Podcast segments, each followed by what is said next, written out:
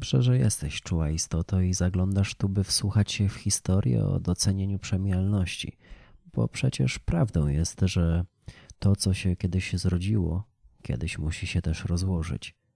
Dziś oddamy przestrzeń Bognie i Celestynowi, kobiecie nietuzinkowej i samotnemu kapłanowi. Dzisiejszy odcinek będzie zatem podzielony na dwie części.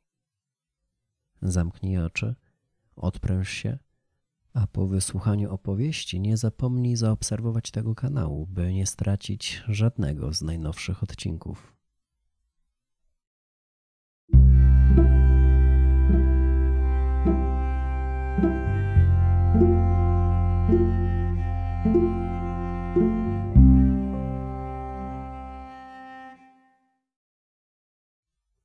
Część pierwsza. Bogna. Zamknęła z hukiem drzwi i przywarła do nich plecami. Nie mogła uspokoić oddechu. Krople potu spływające po karku chłodziły jej ciało, ale nie przynosiło to rozkoszy. Zamknęła oczy. Zaczęła odliczać i krzyk, który ją przeszywał, stawał się coraz cichszy. Skąd u licha wzięły się tutaj te ptaki? Musiała wyprosić klienta przed czasem, bo doskonale wiedziała, do czego jesteśmy zdolni. Gdyby ten wstydliwy, onieśmielony człowiek zbyt długo wsłuchiwał się w nasz głos, mógłby już więcej nie znaleźć w sobie odwagi do wychodzenia z domu. A był jednym z tych, na których zawsze mogła liczyć. Przychodzili do niej regularnie. Gdy tylko życie wymykało im się z rąk albo paraliżowało ich przekonanie, że ciągle są pod czyjąś obserwacją, przychodzili do niej, bo wiedzieli, że mogą liczyć na ukojenie smutku. Była dla nich odpowiedzią i rozwiązaniem. Potrafiła wybawić od ciemności, która przygniatała i robiła z nich maluczkich, drobnych, pozbawionych ochrony przed młynkiem wprawianym w ruch przez siły niewidoczne i nieodgadnione. Wróżyła im z oczu. Widziała oczekiwania, jakie w sobie nosili. Odczytywała poukrywane fantazje, lęki i braki. Brała ich dłonie w swoje – Przybliżała do swojego brzucha, aby poczuli ciepło jej wiary. Wpatrując się w oczy, składała niemą obietnicę otulenia ich energią planet, czasu, całych zastępów świętych, mężnych i czystych aniołów. Wychodzili z jej mieszkania zaspokojeni. Nie przeszkadzało im to, że za swój spokój musieli zostawiać u niej pieniądze. Ofiara została złożona, jak przed wiekami, tak i teraz. Na mieście krzyczeli za nią wszyscy. Kobiety pluły na ziemię przed nią i gdyby tylko miały zdolność przecinania skóry spojrzeniami, to nie byłoby miejsca na jej ciele wolnego od ran. Mężczyźni rechotali, gdy przechodziła. Chwytali ją za włosy, łapali za pośladki i piersi, chwytali w pasie i przyciągali do siebie, bo widzieli w niej czarownicę, która ich pociągała. Robili zakłady o to, kto posiądzie dziwaczkę nie mającą przeszłości. W gruncie rzeczy nic o niej nie wiedzieli i ta tajemnica powodowała, że pożądanie mieszało się z obrzydzeniem. Ona jednak nic sobie z tego nie robiła. Nie reagowała na zaczepki, plwociny i śmiech. Wpatrywała im się w oczy, uśmiechała spokojnie, bo miała tę przewagę, że ona ze wszystkim się pogodziła i wszystko rozumiała. Odebrała im błogą niewiedzę co do losu, który został im przeznaczony ale tym, którzy się z niej śmiali, nie zdradziła nigdy ani rąbka. I za to nienawidzili jej jeszcze bardziej. Na imię miała Bogna. Nazwiska już nie znała. Po tym, jak mąż wyrzucił ją z domu, całymi tygodniami błąkała się po świecie. Zamieszkała w lesie, żywiła się tym, co w nim znalazła.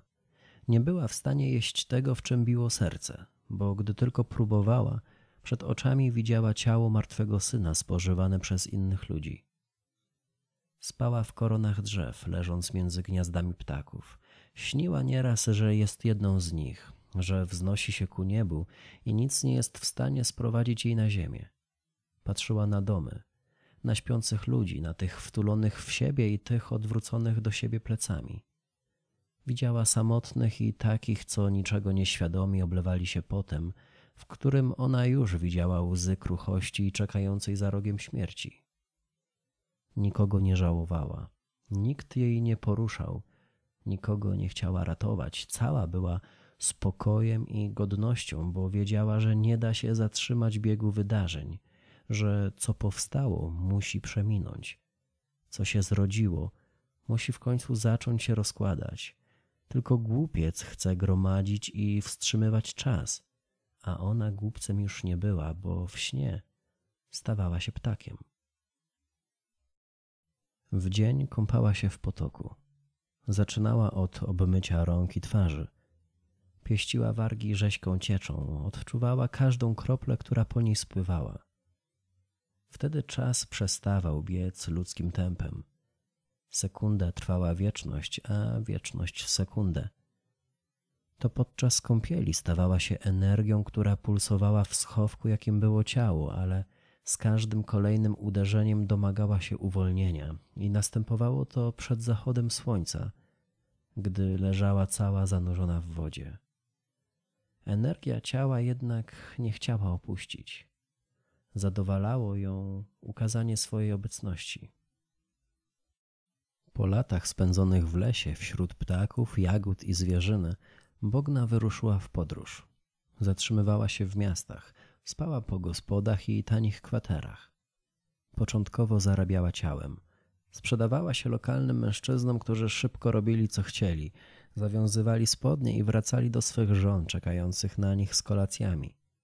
Dzięki temu zarobiła na wynajem niedrogiego pokoju w schronisku starej góralki. To za jej zgodą przyjmowała wędrowców i tubylców spragnionych wiedzy co do swej przyszłości, zainteresowanych rozwiązaniem problemów rękami obcego człowieka. To w tym pokoju wróżyła z oczu i wzmacniała dotykiem swego ciepłego brzucha. Planowała tak spędzić resztę życia, ale gdy tego dnia ujrzała, że się zbliżamy, wiedziała, że jej postój dobiegł końca, bo wezwała ją zapomniana ziemia. Część druga. Celestyn. Od spotkania z nowym mieszkańcem minęło kilka dni, a mimo tego Celestyn nie mógł przestać o nim myśleć. Zupełnie jakby coś przebiło się przez słabą, starczą skórę i zakiełkowało wewnątrz ciała. Nie znał tego uczucia, było dla niego nowością. Wiązało się jednak z narastaniem niepokoju. To, co zamieszkało w poczciwym wiejskim księdzu, co jakiś czas próbowało się z niego wydostać. Przybierało postać napływających do oczu łez, które spływały po twarzy wolno, w sprzeczności z prawami ciągnącymi ku dołowi. Czasami te łzy zatrzymywały się w miejscach naznaczonych upływającym czasem. Wpadały do delikatnych wgłębień na policzkach, wciskały się do kącików ust i wchłaniały się, jakby chciały wrócić do środka – do tego, co zagnieździło się w ciele staruszka. Po takim niespodziewanym płaczu Celestyn miał problem z oddychaniem. Do nosa napływał gęsty śluz, który blokował przepływ powietrza przez nozdrza, więc ksiądz musiał oddychać ustami. Jego głos przesiąkał wtedy smutkiem, słabością, wielkim niezrozumieniem tego, co się z nim dzieje. Próbował wyrzucać z siebie tę ciecz, dudnił w bawełniane chusty i przez okolice przebiegał wtedy podmuch wydobywający się z przykościelnej plebanii. Nikt jednak tej zmiany zachodzącej w proboszczu nie dostrzegał. Dla mieszkańców nadal był tym samym dobrym człowiekiem, który głaskał po głowie, gdy potrzebne było podniesienie na duchu i groził palcem na znak protestu przeciw nieodpowiednim czynom. Tylko on jeden – Czuł, że gdzieś w rogu pokoju, tam gdzie wygodnie urządził się cień i kurz, rozsiadł się też smutek i wlepił w księdza swoje spojrzenie.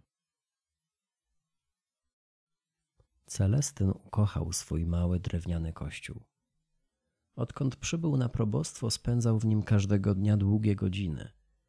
Mimo, że zawsze znajdowały się kobiety i mężczyźni chętni do sprzątania, naprawiania i rozbudowywania świątyni, to już jako młody ksiądz pokornie chwytał za miotłę czy młotek, by samemu zatroszczyć się o boski dom. Często też przychodził do niego w nocy, zwłaszcza wtedy, gdy trapiło go zmartwienie, nienazwany, nieplanowany lęk.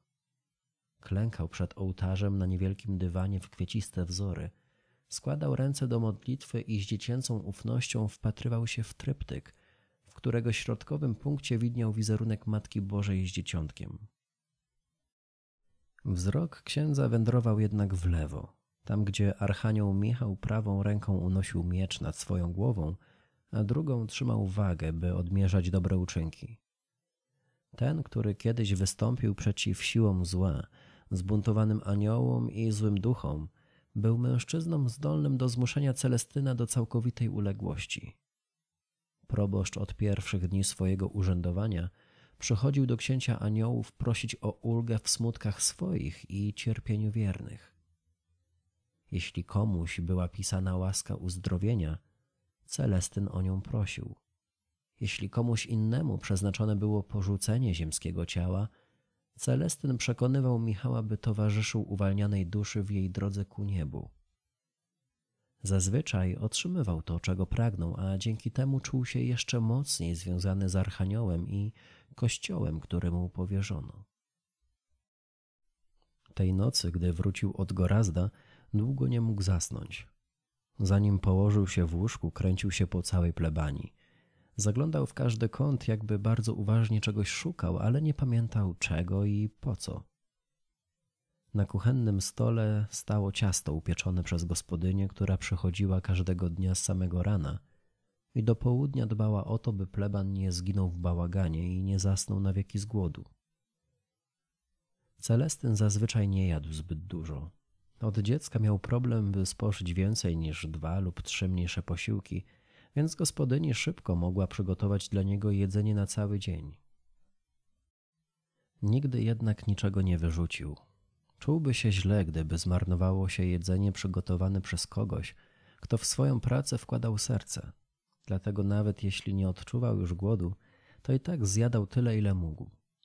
Co zostało, to wystawiał przed drzwi, by głodne ptaki dokończyły jego posiłek.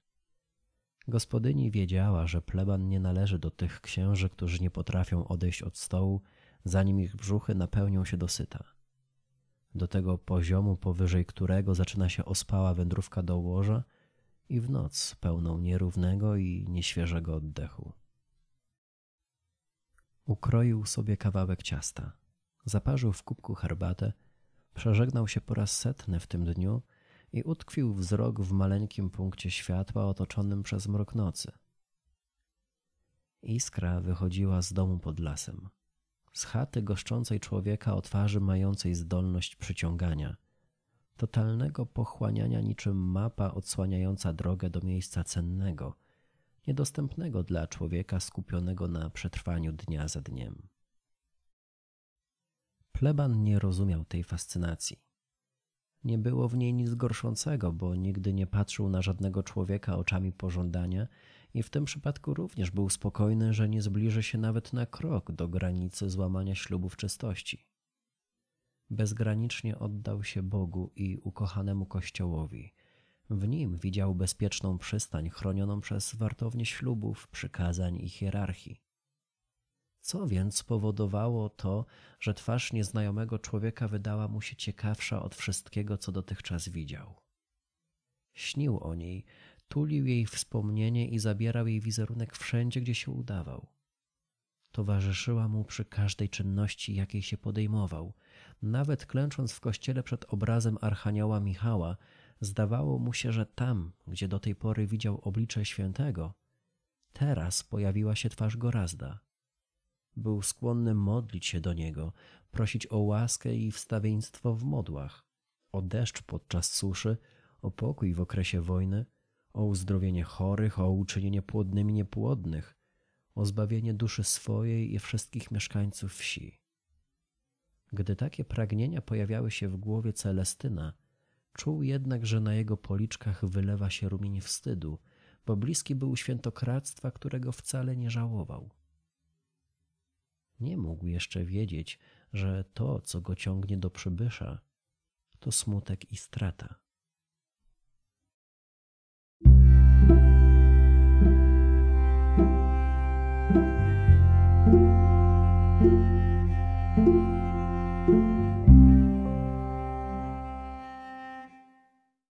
To już wszystko na dziś, czuła istoto. Niech Twoje najbliższe dni będą pełne przyjemności, spokoju i rozkoszy. Do usłyszenia za tydzień.